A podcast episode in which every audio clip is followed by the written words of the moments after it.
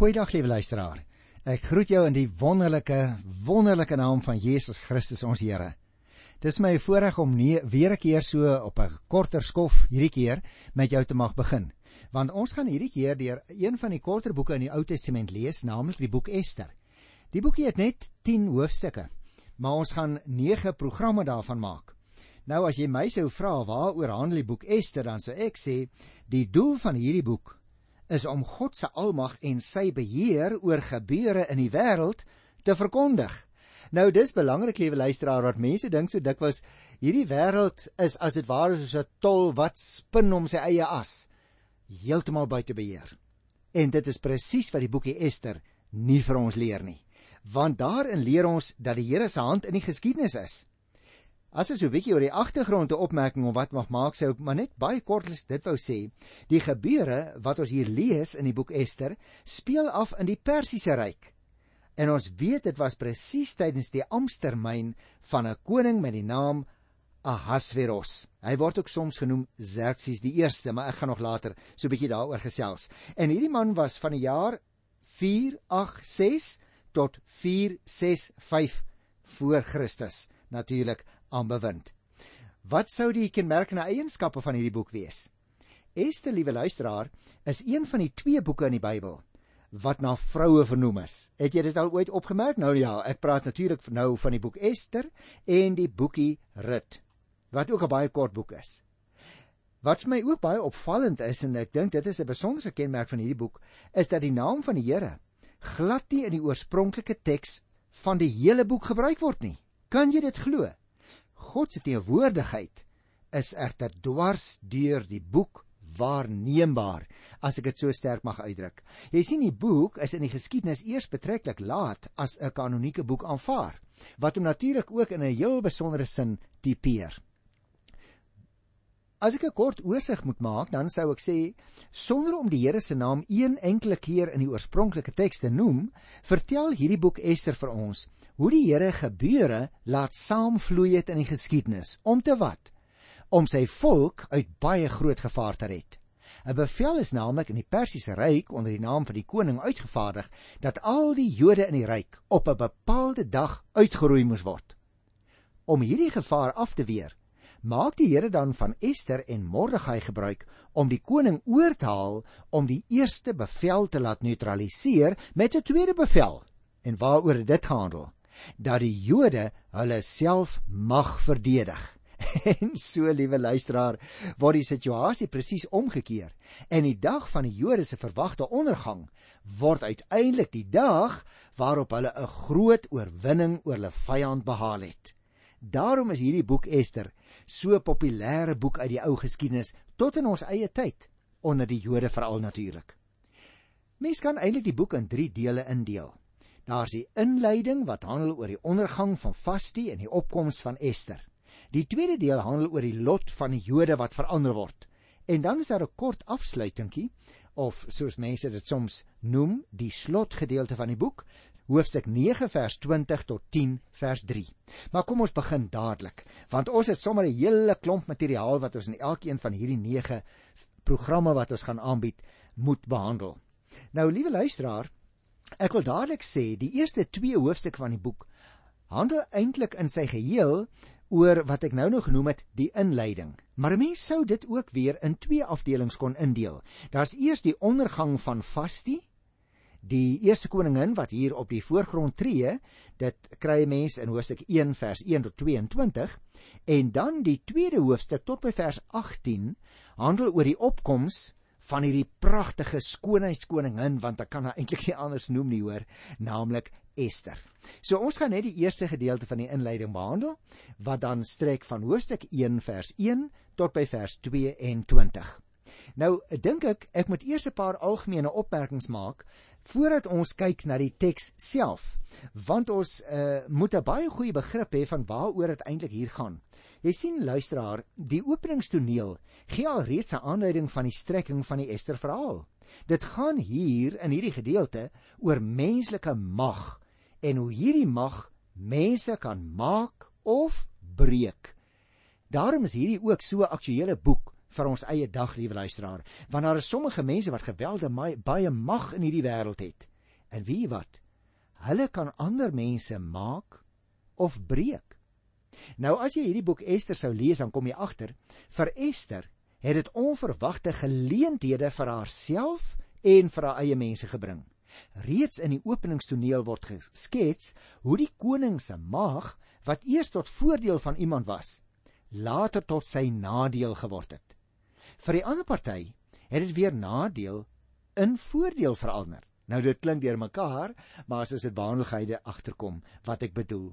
Jy sien die koning se bevele was eers tot nadeel van die Jode, maar het later tot voordeel van die Jode gestrek. Die gebeure in hierdie eerste 22 verse van hierdie toneel gaan dus eintlik oor een basiese ding as jy vir my sou vra. As ek dit moes opsom in een woord dan sou ek sê mags vertoon. Naamlik Ahasveros wat ook in die geskiedenis soms bekend geraak het as Xerxes, was die 5de koning van Persië. En hy het regeer in die jare 486 tot 465 voor Christus. Sy winterpaleis was in 'n pragtige stad met die naam van Susan. En hier het hy twee onthale gehou. Die eerste was vir al die hoë amptenare in sy diens. Hy het hulle oor 'n tydperk van 6 maande aan sy paleis onthaal. Kyk, glo 6 maande lank partytjie gehou, né? Die tweede onthaal was vir al die inwoners van Susan. Hierdie onthaal het net 7 dae geduur. Die verhaal van Ester speel nou af in die hoofstad van die magtige Medo-Persiese ryk. Die ryk het die provinsies Medië en Persië ingesluit en ook die voormalige ryke van Assirië en Babel. 'n Groot verskeidenheid van volke was onder die mag van die Persiese koning saamgesnoer. Ook die Jode Ester was nou 'n Jodin en sy is deur koning Ahasveros gekies om sy koningin te word. Deur haar posisie in Ahasveros se paleis kon sy natuurlik die Joodse volk waaraan sy behoort het van uitwissing help red. En hierdie twee verhale, liewe luisteraars, stem baie nou ooreen met twee geleenthede waarop die koning later by Ester sou gaan eet. Ons gaan nog die hele gedeelte lees in die Bybel. En dan het sy natuurlik die saak van haar volk aan die koning voorgehou. Dit stem verder ook natuurlik ooreen met die einde van die verhaal. Die Jode verdedig hulle self dan suksesvol teen hierdie aanvallers en hulle stel twee feesdae in waarop hulle aan mekaar eetgoed gestuur het.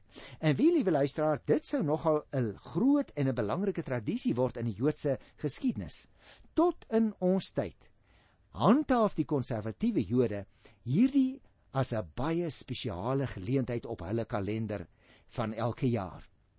Kom ons lees sommer die eerste 8 verse in Hosea 1 en dan gesels ek so 'n bietjie met jou in die breëre verband da daaroor. Luister. Dit was in die tyd van Ahasveros.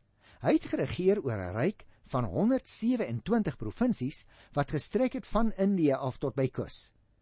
In die tyd toe sy troon in die vesting Susan was, In die 3de jaar van sy regering het hy 'n onthaal gegee vir al sy hoë amptenare en ander in sy diens. Die leeroffisiere van Persië en Medië, die vername mense en die hoë amptenare van die provinsies was teenwoordig. By die geleentheid het die koning al die rykdom waarmee sy koninkryk ontspog, al die pragt en praal daarvan 180 dae lank vertoon. Ek het mos gesê dit was so 'n lang partytjie, né? Daarna vertel die 5de vers vir ons, daarna die koning almal in die stad Susan groot en klein 'n week lank in die paleistuin onthaal. Daar het wit en bloedrooi linne doeke gehang wat met pers linnetoue vas was aan silwer ringe en marmerpilare. Jo, dit moes 'n gesig gewees het, hoor. Verder was daar silwer en goue rusbanke op 'n plaveisel van vier soorte kosbare klip wyn is bediene goue bekers van verskillende ontwerpe en daar was 'n oorvloed koninklike wyn soos 'n mens van 'n koning kon verwag. Op die bevel van die koning is niemand gedwing om te drink nie. Hy het al sy paleisbediendes beveel om na elkeen se wens te handel. Kan jy glo, dit moes darem 'n geweldige ding gewees het, nê, vir 180 dae lank en elke wens van elkeen van die gaste Daarna is nou keurig omgesien deur die diensknegte van koning Ahasveros. Jy sien liewe luisteraar, by al hierdie geleenthede gaan dit eintlik oor een saak, naamlik wie het die mag in hande? En dit is wat vir Ahasveros so verskriklik belangrik was. Ahasveros se onthale het naamlik in hierdie eerste toneel 'n baie onverbloemde magsvertoon as ondertoon sou ek sê. Al die rykdom van die koning, al die pragt en al die praal van sy paleis wat hy so uitstal, is eintlik maar niks anders nie as 'n vertoon van sy grootheid en sy mag. Nou natuurlik in die eerste vers kyk ons na 'n man, 'n baie beroemde man hoor met die naam Ahasveros en hy staan in die nie Bybelse geskiedenis bekend as Xerxes die 1ste. Ek het net nou ook vir jou daar opgewys. Naamlik die Persiese koning wat aan die bewind was in daardie periode wat ek jou gesê het. Hy was die seun van 'n ewe belangrike koning, naamlik Darius. Jy kan gerus as jy weer van Darius wil hoor, ons het dit behandel in die boekie Esra, hoofstuk 4 van die 5de vers af gaan lees, want daardie Esra was natuurlik sy pa. Nou, aangesien daar ook ander konings met dieselfde naam was, ag die skrywer dit nodig om 'n verdere beskrywing te gee van hierdie man Ahasveros, om hom te onderskei van die ander ouens met dieselfde naam, né? Naamlik, so sê die Bybelskrywer, dat sy ryk gestrek het van Indië af. Nou wil ek dadelik tussen hakies sê, liewe luisteraar, Indië is eintlik op uh, in ons tyd die noordelike deel van Indië en van Pakistan. En nou sê dit dit het gestrek van Indië tot by Kus. Nou waar was Kus? Kus was eintlik die gebied suid van Egipte land. Met ander woorde, as jy op die landkaart gaan kyk, kyk net aan die onderkant van Egipte land. Dit is wat ons vandag ken as Egipte, maar in Bybelse tyd was dit dan bekend as Kus. En die beskrywing van die omvang van die ryk luisteraars en die organisasie van daardie ryk stem baie nou ooreen met wat ons kry in die inskripsies en die geskrifte van die ou geskiedskrywers baie interessant ook. Die 127 provinsies wat hier vermeld word in die eerste vers, was natuurlik verskillende streke of distrikte van 'n hele aantal groter gebiede. In ander uh, gedeeltes en buite Bybelse bronne word hierdie wat ons nou vandag sou noem provinsies word dit eintlik uh vertaal van 'n woordjie wat uitgespreek word satrapie. Maar nou ja, dis vir ons in Afrikaanse vreemde woord, daarom vertaal dit on, ons dit as provinsies. En elkeen van hierdie streke het onder sy eie goewerneur natuurlik gestaan. Die aantal satrapieë het in verskillende stadia gewissel. Die hoofstad het ek jou net nou vertel en ons het dit gelees in vers 2 was Susan. Soms word dit ook genoem Susa en dit was vroeër die hoofstad van die Elamitiese ryk en is deur die Persiese konings oorgeneem en natuurlik pragtig herbou. Die stad lê aan 'n sytak van die Tigrisrivier en was een van die drie koninklike residensiestede. Die woord vestingstad wat ons hier kry in die tweede vers verwys natuurlik na die Akropolis of die vesting wat 'n kort afstand van die stad af gelê het. Maar daar in die derde vers het ons ook 'n baie interessante ding teëgekom, naamlik die onthaal wat hy gegee het vir al sy hoë amptenare. Jy sien luisteraar, na as die plek word nou ook die spesifieke datum waarop hierdie amptenare genooi is vir ons gegee.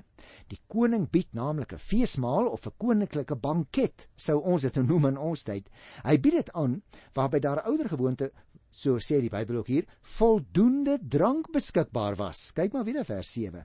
Die ou geskiedskrywers tussen hakies vertel van die groot en die indrukwekkende koninklike onthale waarmee die konings ook hulle eie mag en glorie uitgebeeld het in daardie tyd al die hooggeplaaste amptenare van die ryk is na hierdie onthaal toe genooi en daar staan ook die leeroffisiere van hoë aansien het 'n belangrike rol gespeel in die instandhouding van so 'n magtige ryk. En daarom kan 'n mens verstaan dat die koning baie baie goed wou kyk na hierdie mense want hy was van hulle lojaliteit afhanklik as hulle teen hom in opstand sou kom dan sou hierdie koning natuurlik baie groot probleme hê in sy ryk. Maar daar in die 4de en die 5de vers het ons gelees al hierdie rykdom en prag word nou vir 180 dae lank vertoon. Kan jy jou voorstel, 6 maande, bietjie bietjie meer selfs as 6 maande lank. Die fees vir die hoëgeplaases het al die dele van die ryk word nou opgevolg deur 'n ander fees vir die inwoners van die stad self, die inwoners van die hoofstad Susan. Kyk maar weer daar van die 5de vers af. En na hierdie fees word al die mense van die stad uitgenooi of hulle belangrike mense of net gewone burgers is want natuurlik is dit vir die koning belangrik dat hierdie mense rondom hom in die stad waar hy gevestig is dat hulle ook lojaal aan hom sal bly daarom moet hulle daarom ook so bietjie al is dit nou maar wat sal ek dit noem? Al is dit nou eintlik maar 'n klein feesie in vergelyk met die 6 maande fees wat nou sopas verby is. Ons lees in vers 5: Groot en klein verwys natuurlik nou nie na ouderdom nie, né? Maar dit sluit al die inwoners in, ongeag hoe belangrik hulle is, al dan nie. Die feit dat die fees 7 dae duur, is weer eens 'n aanduiding van die groot mag en die rykdom van die koning. En hierna eers kry ons 'n beskrywing van die byne oordadige wyse waarop die paleistuin of voorplein ingerig is. Jy kan dit maar self weer gaan lees. Baie interessant as 'n mens in die Hebreëse teks gaan kyk, hierso so by vers 6 en 7 rond, dan sien jy die name van vier soorte kosbare klip. So is dit vertaal word daar in Hebreëse taal weergegee, maar die eh, identifikasie in die vertaling is ietwat vaag. Daarom gee ons dit net nie Afrikaans weer as daar's verskillende soorte kosbare klip. Presies wat dit beteken weet ons ook nie eers meer vandag nie. In plaas en dit is ook interessant daar in vers 7 en 8, in plaas van die streng hofprotokol word die gaste toegelaat om die onthaal te geniet en dan staan daar en te eet en drink soos hulle dit verkies. Jy sien, die doel hiermee is natuurlik weer eens om te beklemtoon dat dit 'n uitsonderlike geleentheid is waarby die hele volk betrek word. Kom ons lees vers 9 tot 11, want hier kry ons nou 'n so bietjie van 'n wending in die verhaal. Koningin Vasti het intussen ook die vrouens onthaal in die paleis van koning Ahasveros. Op die sewende dag, toe die koning baie vrolik was van die wyn, het hy sewe paleisbeamptes geroep en dan kry hulle naam daar. Uh, ek wil een uitlig want ek gaan net so 'n bietjie oor hom gesels, naamlik Mehuman. Mag net oor hom praat. Hy, die koning, het hulle beveel om koningin Vasti met haar kroon op na hom toe te laat kom sodat hy vir al die mense, al die hoë amptenare kon wys hoe mooi sy is. Sy was 'n baie mooi vrou.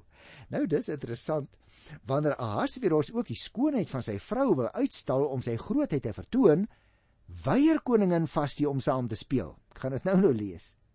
Sy daag dan net hierna daardeur eintlik die koning se gesag uit en sy dompel hom in 'n gesagskrisis want hoe gesê haar man die koning wat nou juis sy mag wil vertoon nie gehoorsaam nie.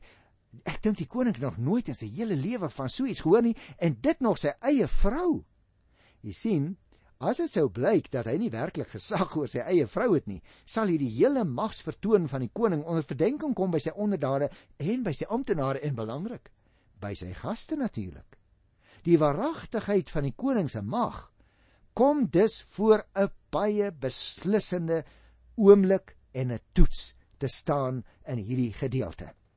Interessant dat die 9de vers vir ons gesê het dat Vasti so onthaal vir die vrouens afsonderlik plaasgevind het. Dit was dus nie algemene gebruik dat die vrouens afsonderlik onthaal is nie, maar hier speel die afskeiding 'n bepaalde rol. Hoekom? Vasti sou later binne gelei moet word na die lokaal waar die koning en sy hoog geplaaste amptenare wag. Vasti, moet ons onthou, is 'n Persiese naam wat waarskynlik die beste beteken. Met ander woorde, sy het 'n naam wat so iets van wie sy is weergee aan ons. Die koningin se naam uit nie Bybelse bronne is ongelukkig nie aan ons bekend nie.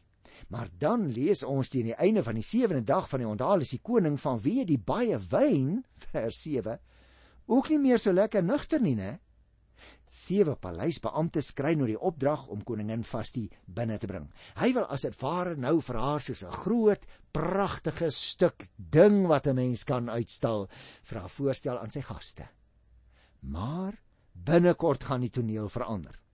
Dit moet dus 'n baie belangrike gebeurtenis wees as hy as sy met haar kroon op haar kop nogal moet verskyn.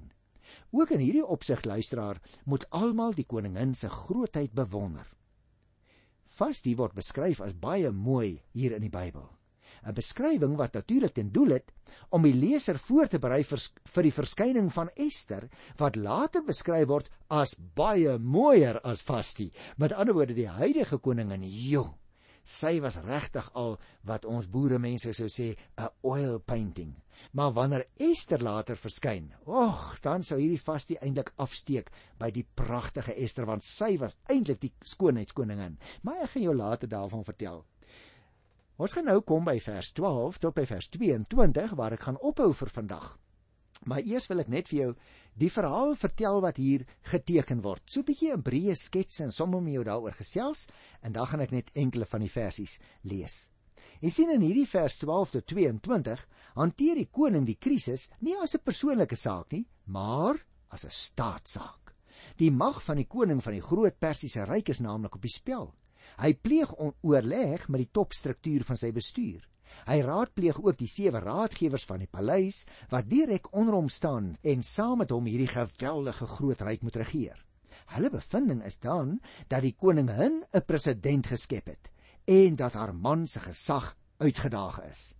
Dit kom vir hulle neer op niks anders nie as opstand teen die gesag van die staat. Jy sien dit word nou 'n politieke saak. Dit is 'n blaatante geval van miskenning en ontkenning van die koning se mag en sy gesag.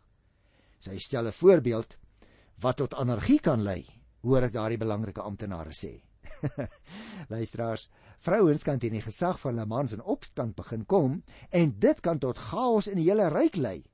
Hulle stel is dan voor dat daar van haar 'n voorbeeld gemaak moet word. En wat daar in die toekoms moet gebeur wanneer 'n vrou so teenoor haar eie man sou optree.